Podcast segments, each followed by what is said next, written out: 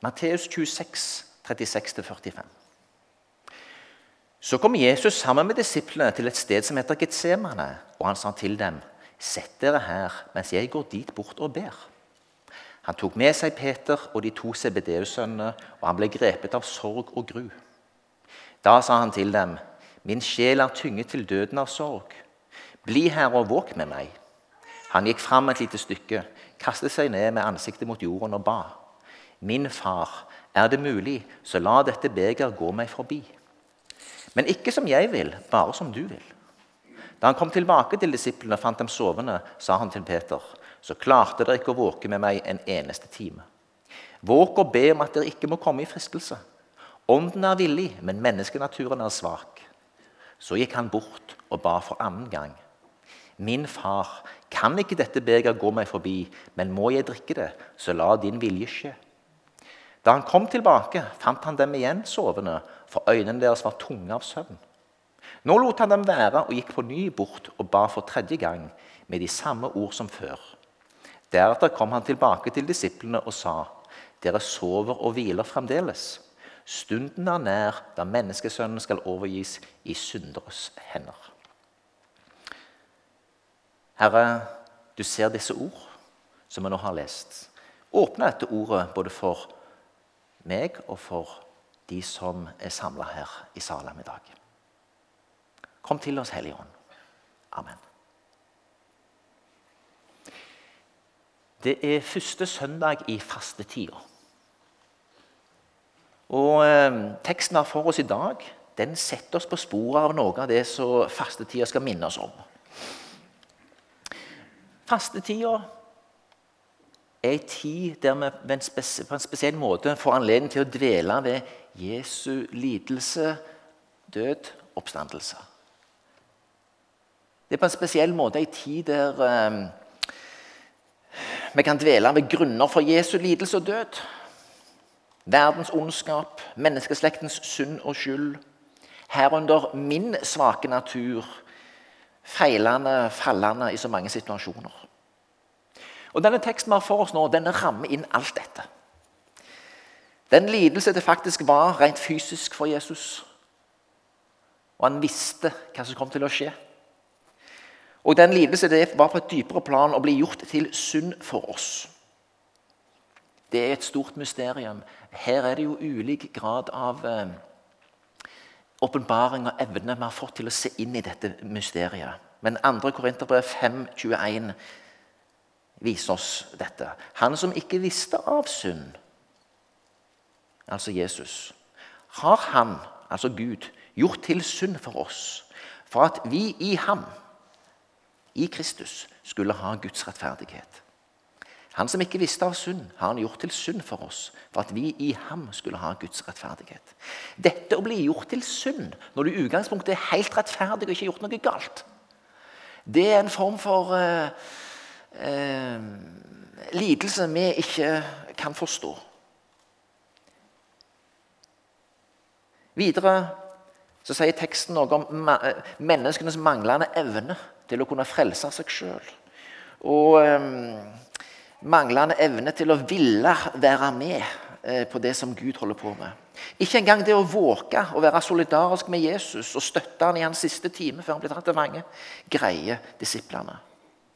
Og Her er altså da vi mennesker representert ved disiplene, og vi ser denne enorme kontrasten mellom Jesus, som ber og venner seg til sin far, og disiplene som sover.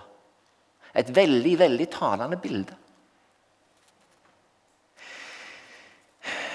Hvis vi trekker fram eh, noen bestemte stikkord her La oss begynne med sorg. Jesus er grepet av sorg og gru, leser vi. Min sjel er tynget til døden av sorg. Jesus kjenner rekkevidden av det han skal inn i. Han er et menneske som kjenner på den menneskelige frykten. Både for den fysiske lidelsen som kommer, og den dypere lidelsen til, det vil være å bli gjort til synd for oss. Vi må ta en liten eh, avstikker til Jesaja. Eh, Dødehavsrullene blir funnet da på slutten av 40-tallet og begynnelsen av 50-tallet. Så Det er veldig spesielt. Eh, Staten Israel ble opprettet i 1948. Og det at disse dødehavsrullene ble funnet i den samme tida, viser jo de dype røtter jødene har hatt i området. Og det viser en sånn veldig sterk kobling til dette folket som nå fikk sitt land tilbake. Det er helt utrolig at i den samme tida finner vi da altså en mengde ruller. 950 bokruller. 20 000 tekstfragmenter. Og så er det litt spesielt. En av de eldste bøkene de finner For disse bøkene er skrevet ned av en bestemt gruppe i Israel som heter esenerne. Vi hadde forskjellige grupperinger. Vi hadde fariserene, som var særdeles skriftlærde. Eh, vi hadde sadukerene, som for så vidt var etterkommere etter, etter prester. To sånne partier. Og så hadde vi essenerne, som var på en spesiell måte litt sånn åndelig orientert. Fariserene var veldig orientert mot bokstaven. Sadukerene kanskje litt mot tradisjon og prestetradisjonen. Essenerne var særdeles vendt mot Gud og det åndelige. Og De hadde sånne kommuniteter der de bodde litt sånn avsondra. Og har på mange måter også vært en sånn en, uh, forbilde for klostervesenet som senere kom. Var sånne som gjerne kunne være litt avsides. Og de har skrevet ned avskrift, fine avskrifter av uh, da, uh, Toraen, eller Det gamle testamentet. Og Det de finner her nå, er altså da, eh, bøker fra sånn et samfunn av essenere som har bodd der nede. Og Disse bøkene er skrevet typisk fra år 100 før Kristus til nesten år 100 etter Kristus. Det er den tida Jesus, eh, innbefatter den tida der Jesus vandra på jorda. Den ca. eldste boka de har funnet, og den som er på det fineste eh, skriftmateriale, altså fint pergament og som er fullstendig og heil, det er Jesaja-boka. Det finnes ingen andre av de bøkene som er helt og fullstendig ivaretatt som den 734 cm lange bokrullen av Jesaja. Den er helt perfekt. Og det er utrolig spennende, fordi Jesaja-boka er et nydelig, en nydelig bro mellom Det gamle og Nye testamentet. Det er jo i Jesaja vi virkelig får åpenbart eh, Herrens tjener som skal komme. Og som vi kommer til her, Herrens lidende tjener. Og hva som skal også skje seinere. Så jeg leser Jesaja-boka i kapittel 9, i kapittel 11, i 42, i 52, 53, i 55, 56, i 61 altså det, det, det, er så mange plasser. Det er skrevet så mye så detaljert. Så når vi ser det etterpå, så mener vi jo at vi har fasiten. Jeg har sikkert nevnt det før, men men datteren min Sofie, husker jeg Når vi leser fra Jesaja 53 på søndagsskolen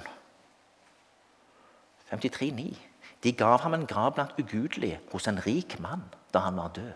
Enda han ikke hadde gjort noen urett, og det ikke fantes svik i hans munn. Så sier dattera mi, 'Pappa, hvordan kunne han eller de vite det?' Det var jo skrevet 700 år før Kristus. Pluss at det er la oss si, innenfor vitenskapens rammer dokumentert at det fantes en bokrull 100 år før Kristus, som også bekrefter det profetiske i det. At det ikke er en rull som er skrevet etter at Jesus døde på korset. Nei, han er skrevet 100 år før. Det er rimelig vitenskapelig dokumentert. Det viser jo bare at dette profetiske ordet er stadfesta noe så enormt.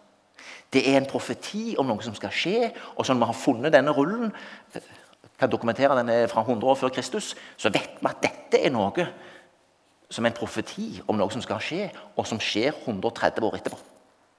Det er helt enormt, og det er veldig trosstyrkende. Men nå går vi da til Jesaja, fordi Jesus er i sorg. Og I Jesaja kapittel 52 og 53 der har vi da en lang passasje om Jesaja, Herrens lidende tjener. Og Vi leser litt utvalgt derifra. 52, 13. Eh, Se, min tjener skal ha framgang. Han skal stige, løftes og opphøyes. Så det som er fra Jesaja 53. Versene 4 og 5. Sannelig, våre sykdommer tok han på seg, og våre smerter bar han. Vi trodde han var blitt rammet, slått av Gud og plaget. Men han ble såret for våre overtredelser og knust for våre misgjerninger. Straffen lå på ham for at vi skulle ha fred. Ved hans sår har vi fått legedom. Skrevet 700 år før Jesu fødsel. Denne lidelse som Jesaja profeterer om 700 år før Kristus. Denne lidelse ser nå Jesus han er på vei inn i. Han er sann Gud og sant menneske. Og Rent menneskelig så kjenner han på en angst for det som skal komme. Hvis han ikke hadde kjent på den angsten og vist oss den angsten, så ville vi kanskje på mange måter ikke sagt at han var menneskelig. Men han viser sin menneskelighet til oss så fullt ut. Han er redd for det som skal skje. Og eh, Ingen visste bedre enn han hva som skulle skje. For han var både Gud og menneske. Han visste om dette. For oss er det ofte godt å vite eller ikke vite hva som skjer. Etterpå kan vi si det var godt jeg ikke visste. Men Jesus vet hva han skal inn i. Det gir en ekstra trøkk i, i det han erfarer og opplever. Min sjel er tynget til døden av sorg. Bli her og våg med meg. Jeg syns det er en veldig fin ting her. Jesus viser oss noe veldig fint her. Han har tolv disipler. Så sier han først til disiplene sett dere her. Og Så går han litt lenger fram, men han tar med seg tre. Og Det viser oss noe litt spennende. Det er litt sånn som dette her. Hvis du har det tungt, hvis du står i noe veldig krevende, noe veldig vanskelig, hvor mange involverer du i det? Jeg tror ikke du involverer tolv. Jeg tror det er færre. Jeg tror det er noen få. Det kan være én, det kan være to. Men jeg tror ofte at det ikke er så mange flere enn tre. For det har noe med fortrolighet å gjøre. Det går på, på, på, på hva, hvor mange en vil dele ting med. Vi står alle i tunge ting. Uh, ulike former for erfaringer, sår, ting som skjer, ting som har skjedd. Det kan være godt å ha noen å dele det med. Dette er det Jesus modellerer her. Han inviterer Peter, Jakob og Johannes inn i inderlig bønn og fellesskap med seg i ei veldig tung tid.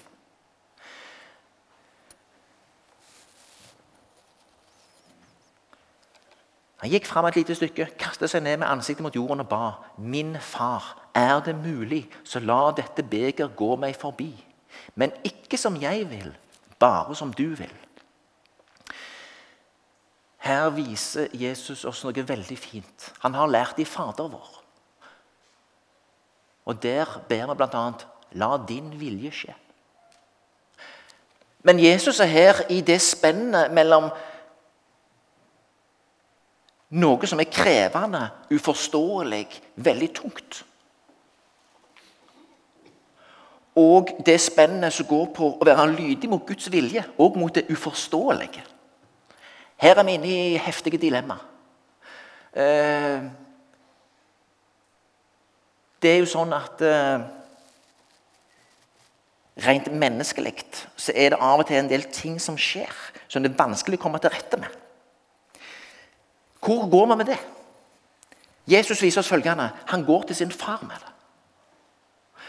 Og Det er den øvelsen vi òg kan gjøre.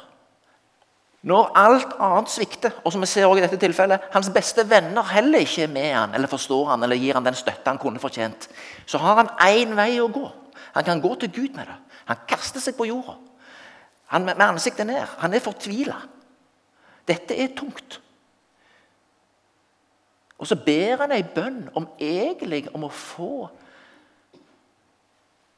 Om Gud kan vurdere om dette er helt nødvendig at han må inn i. Eller om han kan få slippe. Og så sier han dette. Men ikke som jeg vil, bare som du vil. Her lærer vi noe om at det som er uforståelig for oss, må vi kaste på Herren. Dette gapet mellom det vi rent menneskelig med vår snusfornuft mener er smart, og det vi nå står i, og det å i tilfelle la oss si, følge opp det vi har blitt ledet inn i, og la Gud bestemme. Her trengs visdom, og den eh, visdom som trengs her, det er åndens visdom som Gud kan gi oss ved sin Hellige Ånd, som kan komme til oss i bønn, som kan komme til oss i ordet, som kan komme til oss ved gode rådgivere. Men her viser Jesus sa en vei. Han er villig til å la hans far få siste ordet. Og det er en viktig ting.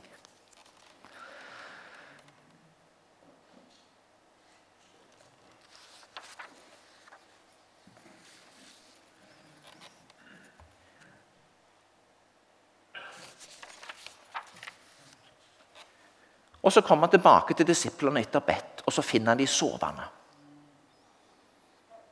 Så klarte dere ikke å våke meg en eneste time. Våk og be om at dere ikke må komme i fristelse. Ånden er villig, men menneskenaturen er svak. Her får Jesus satt på plass noe veldig tydelig. Og Det er så fint at denne historien er så tydelig malt. For den viser ikke bare hvem Jesus er, men den viser så veldig tydelig gjennom disiplene hvordan menneskene er. Selv når han har bedt dem stemning om å være med dem og våke en times tid, så greier de ikke det engang. Det er smått utrolig.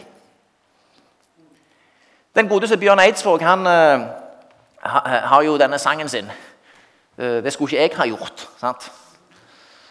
Men det kan uh, han, sier, han, han, at han, synger dette. Om det er ironi eller hans ønske, så viser også bare hvor menneskelig vi tenker om dette her. Det er jo det er jo så sant menneskelig å tenke at 'jeg ville ikke gjort det'. Sannheten er at jeg tror ikke vi ville vært bedre enn disiplene. Det er fort gjort å se på de, at de var spesielt svake. Men de er veldig gode eksempler på hvordan vi mennesker er. Og sånn som vi mennesker er at vi er full av god vilje. Men mangler ofte denne evnen og styrken uh, til å gjøre det rette. Og Jesus viser at han må bære disiplene òg gjennom dette stykket. Det er på et vis litt skuffende å se. Det er avslørende å se hvordan disiplene oppfører seg. Og det er samtidig sånn å kunne tenke på at han ga de ikke opp.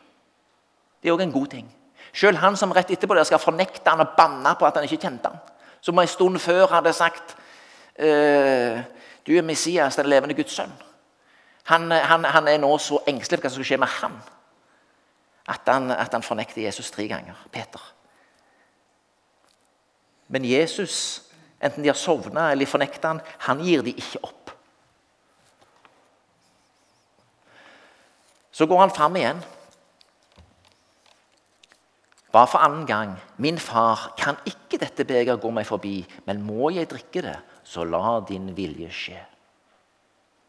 Nå ser vi at nå har Jesus flytta seg. Nå ber han ikke om at dette skal gå han forbi. Nå er det mer hvis dette begeret ikke går meg forbi, så må jeg drikke det. Så la din vilje skje. Han er åpner for Guds vilje. Han har vært hos sin far. I Johannes så står det at det kom en engel til han og styrket ham. Det er spennende. Ingen mennesker kunne støtte ham. Men hans far i himmelen kunne sende en engel til han og styrke ham.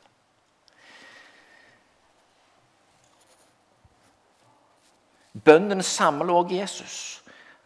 Han blir mer og mer ett med sin fars vilje. Da han kom tilbake, fant han dem igjen sovende, for øynene deres var tunge av søvn. Nå lot han dem være og gikk på ny bort og ba for tredje gang med de samme ord som før. Deretter kom han tilbake til disiplene og sa:" Dere sover og hviler fremdeles. Stunden er nær da menneskesønnen skal overgis i synderes hender. Her har Jesus vist oss at han vender seg til sin far. Han viser oss at han er villig til i et sånt dilemma å legge alt fram for sin far og la far bestemme. Han lar ikke eh, sine egne snusfornuftige tanker rent menneskelig overgå sin fars vilje. Han følger sin fars vilje i lydighet. Sånn sett er han et forbilde for oss. Og Samtidig så er han en trøst for oss i betydningen han forholdt seg til disiplene. Han eh, visste hvordan de var.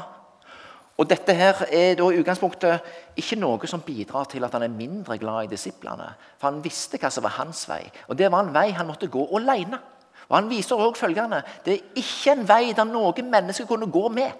Heller ikke være med og våke og støtte. Det var en vei han måtte gå helt alene.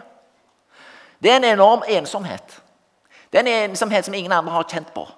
Å, kunne, å gå en vei som, som, eh, som, ingen andre noen gang har gått og noen gang skal gå, men som Jesus var villig til å gå for oss. Å være lydig mot sin fars vilje. Vi tar med oss dette inn i fastetida. Vår egen svakhet, vår egen søvn, vår egen manglende vilje, vår egen manglende evne til å eh, følge opp det å eh, kunne frelse oss sjøl eller gjøre noe som fortjener stor takk hos Gud. Nei, det er Kristus alene. Det er han som gjør det. Han ender opp med å be i ensomhet til sin far. Alle disiplene sover. Han må våke.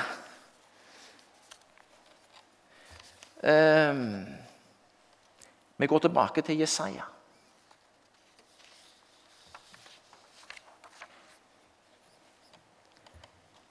Jesaja 54, versene 7-8. En liten stund forlot jeg deg, men i min store barmhjertighet fører deg hjem igjen. Da vreden steg opp i meg, skjulte jeg ansiktet for deg et øyeblikk. Nå forbarmer jeg meg over deg med evig miskunn, sier Herren din forløser. Jesus går inn i en liten stund og blir forlatt av Gud. Til menneskens frelse, for vår forsoning med Gud. Vreden steg opp i meg, skjulte i ansiktet for deg et øyeblikk. Og videre, nå forbarmer jeg meg over deg med evig miskunn, sier Herren, din forløser. På den andre sida av det som Jesus går inn i, så visste han òg dette. Han kjente òg dette verset. Han visste at han kunne stole på sin far. Han visste at dette ikke var slutten. slutten. Han visste at dette var en nødvendig handling i en enorm kamp, i en enorm sjelekamp for mennesket Jesus Kristus. Men en kamp som eh, menneskesønnen var kalt til å gå inn i, kalt til å vinne. Og etter en kort tids lidelse være forsoneren for oss alle. Igjen til den teksten som eh, ble lest fra hebreerbrevet. Den gang Jesus levde på jorden, ba og bønnfalt han med høye rop og tårer, ham som kunne berge ham fra døden, og han ble bønnhørt fordi han var gudfryktig. Enda han var sønn, lærte han lydighet av det han led. Da han hadde nådd fullendelsen, ble han opphav til evig frelse for alle dem som adlyder ham. Den lydighet vi blir bedt om, er å bøye oss for Guds ord. Til å eh, bekjenne Jesu navn. Til å, eh, til å eh, komme inn i fellesskap med ham. Til å forholde oss at Gud er Herre. Til å forholde oss at Gud valgte denne veien for å møte oss mennesker. Gjennom Jesus Kristus, sin sønn. Dette er det vi blir bedt om å adlyde. Om å bekjenne dette og la dette prege våre liv. Og la Gud ved sin Hellige Ånd ta stadig større bolig i oss, slik at vi kan grunne på dette mysterium som vi alle blir ferdig med. La, la fasten bli en stund der vi kan få grunne på dette. Amen.